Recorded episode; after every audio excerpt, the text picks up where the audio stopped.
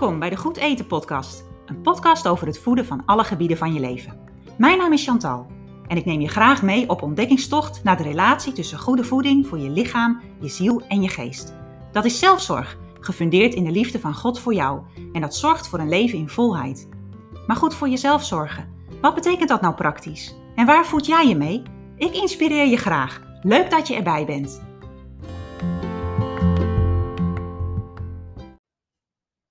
Fijn dat je weer luistert naar de podcast.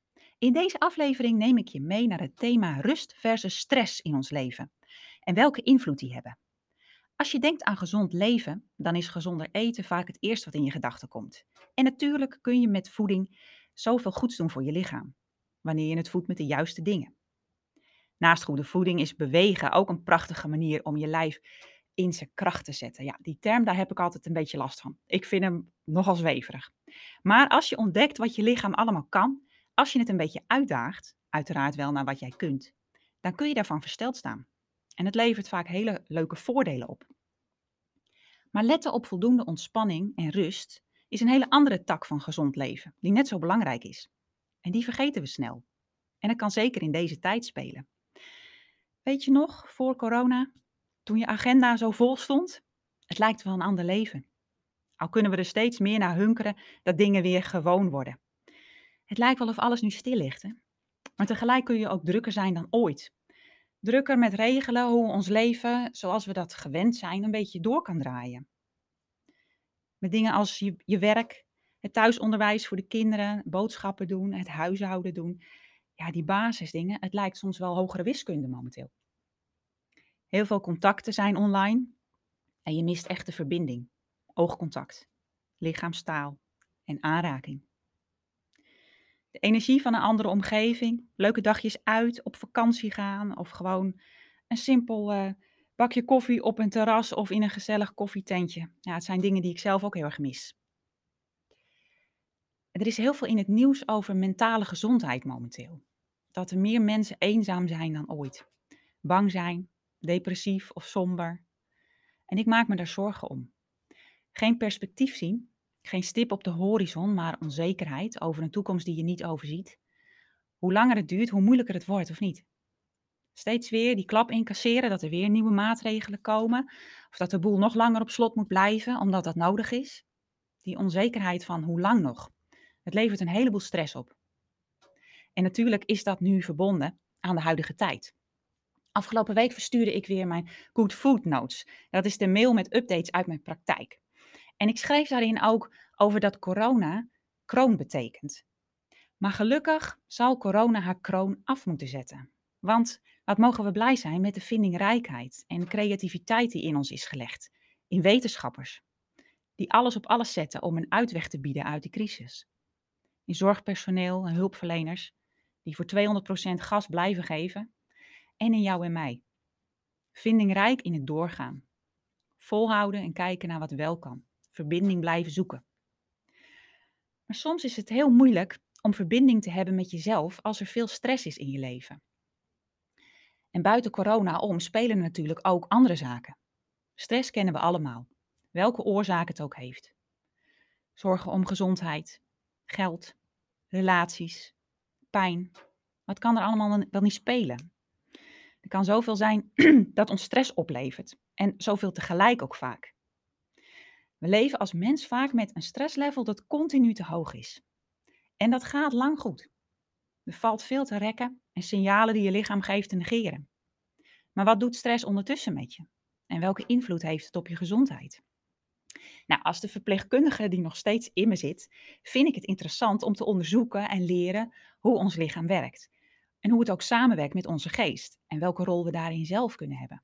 Er valt zoveel over te ontdekken, te lezen en te leren. Ik heb daarbij bijvoorbeeld veel aan het onderwijs en de boeken van Joyce Meyer. Die lekker recht voor zijn raap de goede boodschappen uit de Bijbel vertaalt naar het hier en nu en uitlegt hoe je dit kunt en mag laten doorwerken in je leven. Maar ik zal heel eerlijk zijn en je eerst dit vertellen. In mijn eigen leven heeft stress en continu onder hoogspanning leven door diverse oorzaken een enorme impact gehad.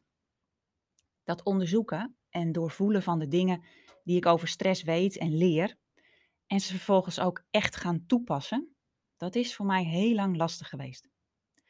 En ik had uiteindelijk een heel proces nodig. In de vorm van een burn-out, crisis, depressie, welke naam je het ook geeft. Ik denk eigenlijk een combinatie van alle drie. Om te gaan ontdekken hoe ik de verkeerde patronen die ik had en die me vasthielden echt kon veranderen. Stress was zeer aanwezig in mijn leven. En dat heeft zijn tol geëist. Maar ik heb ook zoveel lessen geleerd daardoor. En het mooie is dat die waardevolle inzichten die ik kreeg, nu echt zijn geland. En dat ik nu mag doorgeven hoe je rust kunt vinden en je leven kunt voeden vanuit een juist fundament. Dat er voor een gezond leven aandacht moet zijn voor alles wat speelt in je leven. Maar ook voor mij geldt dat ik daarin nog steeds onderweg ben, mijn vragen heb en mijn leven lang zal blijven groeien daarin, net als ieder ander. Maar er is veel rust gekomen en antwoorden en daar ben ik dankbaar voor. Rust in plaats van angst. Want stress komt voort uit pure angst. Hoe werkt dat nou dan in je lichaam? Nou, een klein stukje fysiologie en anatomie. Op het moment dat je stress ervaart, die op welke manier dan ook veroorzaakt wordt, maakt je lichaam stresshormonen aan. Het zijn stofjes die je lichaam in opperste paraatheid brengen. De bekendste zijn adrenaline in je hersenen en cortisol in je bijnieren. Ze racen door je bloedbaan en waarschuwen al je lichaamsdelen om alert te zijn. Je moet kunnen vechten of vluchten, één van de twee. Er is gevaar. En dat gevaar kan bestaan uit een naderende tegenligger die over de weg slingert, uit je boodschappenlijstje dat niet past bij je te lege portemonnee, uit de onderzoeken die een familielid moet ondergaan in het ziekenhuis, uit conflict op je werk, verzin het maar. En als je echt pech hebt, uit alles tegelijk. Die hormonen doen een heleboel. Ze zorgen er bijvoorbeeld voor dat je hartslag en je ademhaling versnellen, dat je bloeddruk verhoogt, dat je minder goed in slaap kunt komen of kunt doorslapen, dat rationeel denken moeilijker is, dat je zintuigen scherper werken. Je immuunsysteem raakt ontregeld omdat je bloedcellen zich extra focussen op eventuele te verwachten verwondingen. Denk maar aan die vrachtwagen. En je voelt minder pijn. Op zich is het een heel mooi systeem. Het beschermt je lichaam tegen het gevaar. Maar met stress en stresshormonen is het zo dat de bron van de stress niet uitmaakt. Iedere oorzaak van stress maakt dezelfde stresshormonen aan, met dezelfde effecten. Je lichaam krijgt een automatische en snelle upgrade en je lijf komt in de overlevingsstand te staan. Maar daarvoor is veel energie nodig. En als de oorzaak van je stress langduriger is, en in veel gevallen is dat zo, dan blijft je lichaam in die modus staan. En dat is heel slecht en kan veel gevolgen hebben.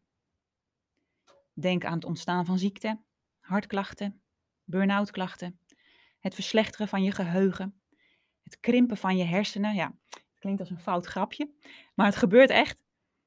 Um, sneller verouderen. En dat komt omdat cortisol je lichaam laat weten dat alle lange termijn processen gestaakt moeten worden. Het algemene herstel van cellen, eh, dat is een lange termijn project. En dat verklaart waarom mensen ineens uh, heel snel grijs kunnen worden maar ook rimpels krijgen of bleek gaan zien. Het proces van de vernieuwing van cellen verloopt veel trager. Depressieve gevoelens, somberheid en slapeloosheid kunnen ontstaan. En slecht of heel weinig slapen, dat zorgt weer voor meer stress. En zorgt er dus samen met die stress voor dat tal van andere processen in je lichaam, die weer aangestuurd worden door andere hormonen, beginnen te haperen. Denk daarbij aan je spijsvertering bijvoorbeeld, aan je stofwisseling, die worden traag. Je hongergevoel wordt groter. Je behoefte aan troosteten wordt groter. En last but not least heeft het stofje cortisol nog de beroerde bijwerking dat je sneller vet opslaat. Een bufferlaagje. Want, denkt je lichaam, stel dat je onverhoopt ineens in een hongersnood terecht zou kunnen komen. Nou, goed bedacht van je lijf en heel beschermend, maar niet zo behulpzaam als je gewicht een aandachtspuntje is. Al met al een hoop ellende. Nou, misschien denk je wel, zo erg is het nu niet. Maar ik heb wel vaak hoofdpijn. Last van mijn maag. Mijn darmen lijken wel een beetje van slag. Mijn nek en schouders zijn een beetje stijf. Ik heb overal van die pijntjes. Ik voel me gejaagd. Ik slaap heel licht.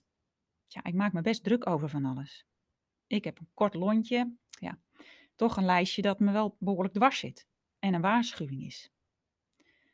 Maar er echt iets aan veranderen lukt me niet. Ik weet niet goed hoe. Ik heb het gewoon druk. En het is nu eenmaal niet leuk allemaal wat er speelt. Ja, dat klopt dat laatste. De omstandigheden die zijn vaak niet te veranderen. Stress is iets waar we allemaal mee te maken hebben. Dus daar moeten we op een goede manier mee omgaan. Er is een verschil tussen als een golf over je heen laten komen wat er is en verzuipen, of op je surfboard klimmen en leren surfen. En geloof me, ik weet als geen ander hoe lastig dat laatste is. Zeker als je gelooft dat die mogelijkheid er niet is. Als je niet weet wat surfen is. Of als je gelooft dat jij dat nooit zult kunnen. Ik denk en heb ervaren dat het heel belangrijk is om te weten hoe je dat surfen doet. Dat je vervolgens gelooft dat je dat kunt. En dat je je realiseert dat je daarin een keuze hebt. Ga ik staan op die plank en kom ik vooruit of blijf ik liggen? Alleen als je in beweging komt, kun je leren en je ook laten bijsturen. Dat is heel moeilijk als je stil ligt. Als je niet kunt aankijken wat je stress bezorgt, kan zich dat ook uiten in hoe je eet. Sommige mensen krijgen dan geen hap meer door hun keel en anderen proberen rotgevoelens juist weg te eten, als afleiding of troost. Emotie eten is iets wat ik veel tegenkom in mijn werk en het kan veel invloed hebben. Nou, het is een onderwerp apart. Ik zal daar een andere keer verder op ingaan. Nou, even terug. In actie komen is dus lastig, maar nodig. Het is nodig om verantwoordelijkheid te nemen. Als je merkt dat de omstandigheden te veel bepalen hoe jij je voelt. En als hoe jij je gedraagt niet in lijn is met wie je bent, met je waarden, je identiteit. Of als het je gezondheid in gevaar brengt, of de relaties met de mensen om je heen. Daarom denk ik dat zelfzorg niet egoïstisch is. Juist niet. Want goede zelfzorg bestaat ook uit het goed leren omgaan met stressfactoren. En dat begint ten eerste met te onderzoeken waar stress vandaan komt en of je daar iets aan kunt doen. Of er oorzaken in jezelf zitten, onder aangeleerde patronen die je altijd hielpen overleven, maar je belemmeren om te leven. En die patronen aan te gaan pakken, door naar de oorzaken te gaan. Daar kun je antwoorden tegenkomen die moeilijk of pijnlijk zijn. En die tijd en moeite vragen om te verwerken. Het is dapper als je dit aangaat. En als je daarbij hulp nodig hebt, zet dan die stap. En zie de grote waarde van deze vorm van zelfzorg. Blijf niet dobberen en denken dat je het zelf moet kunnen. Het kan enorm helend en verhelderend zijn. Ten tweede, als je kijkt naar je huidige omstandigheden, hoe zit het dan met het contact dat je met jezelf hebt daarin? Spanning, stress, zorgen, we ontkomen er niet aan, maar we kunnen wel kiezen hoe we erop reageren. En dan is zelfzorg opnieuw uitermate belangrijk.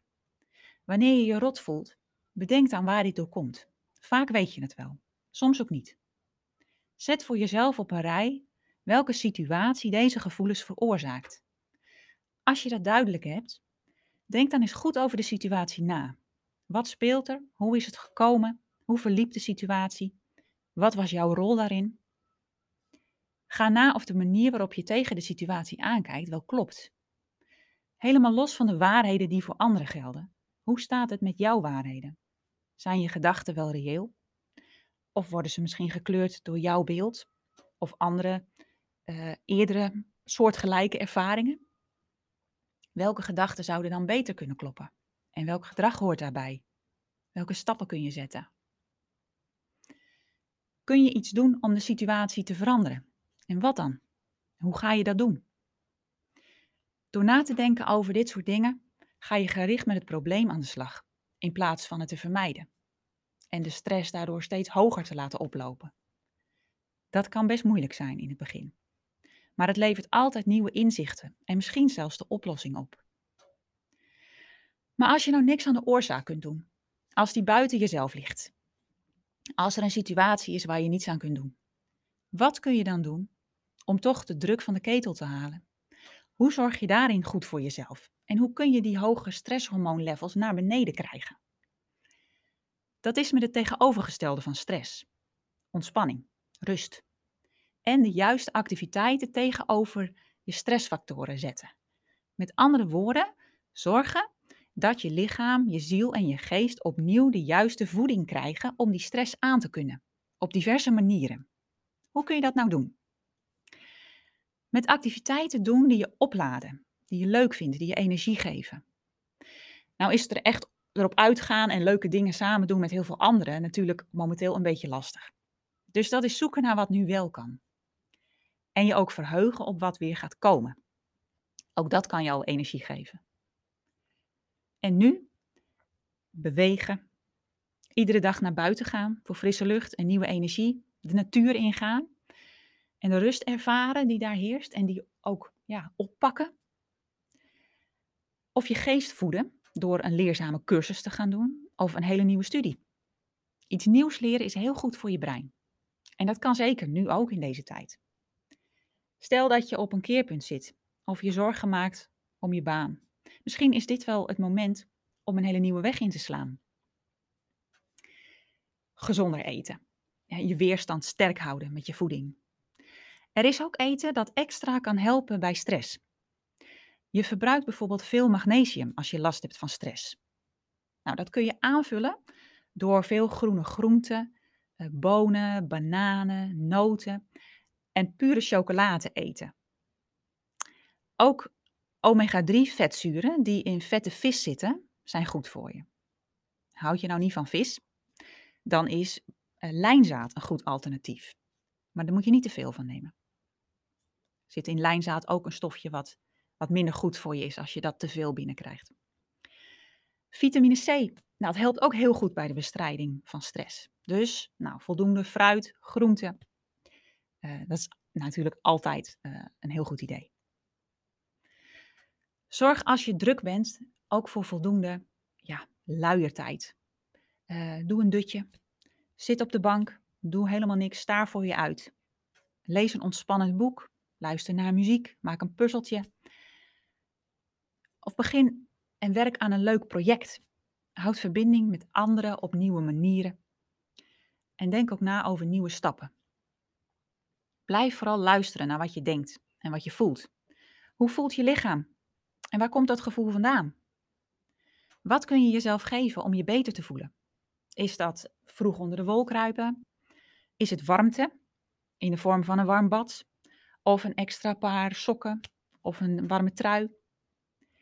Heb je huidhonger? Nou, knuffel dan eens extra met een dierbare. Smeer jezelf iedere dag in met een lekker crèmpje of doe een spa-middagje in je eigen badkamer. En voel ook je stemming aan.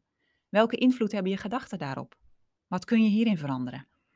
Je hoort heel vaak dat bedenken wat deze dag mooi maakte, hè, waar je blij en dankbaar voor bent, helpt. En dat is mijn ervaring ook. Zoek de leuke dingen op. Speel. Maak plezier. Zing. En lach zoveel je kunt. Je bent gemaakt voor geluk en vrede. En er wacht een hoopvolle toekomst op je. Dus geniet van het mooie wat de dag je brengt.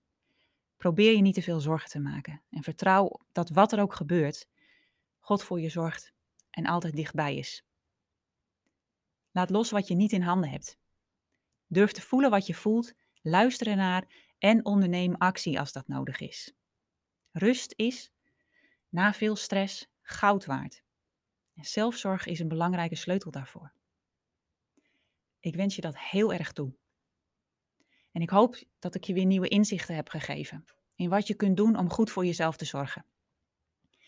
Wil je nou meer en vaker herinnerd worden uh, hieraan en ja, gemotiveerd blijven? Nou, zoals ik al vertelde, naast deze podcast schrijf ik ook iedere twee weken mijn Good Food Notes. En je kunt je hiervoor inschrijven. Dan ontvang je die tweewekelijkse mail op vrijdag in je mailbox. De inschrijven kan op mijn website praktijkgoedeten.nl. En volg me daarnaast ook gezellig op social media. Op Facebook is dat praktijk goed eten, precies hetzelfde. En op Insta is het Chantal laagstreepje goed laagstreepje eten. Ik vind het heel tof om van je te horen. Als je een vraag of opmerking hebt, dan kun je deze via deze kanalen uh, aan me stellen. En contact met me opnemen. En ik hoor ook heel graag wat je van dit thema vindt. En nou ja, waar jij als eerste mee aan de slag gaat natuurlijk. Dus superleuk als je me dat laat weten. De volgende aflevering komt over een paar weken weer online. Dus wil je niks missen, abonneer je dan op mijn podcastkanaal. Goed eten, voed je leven. Tot de volgende keer. Hoi hoi.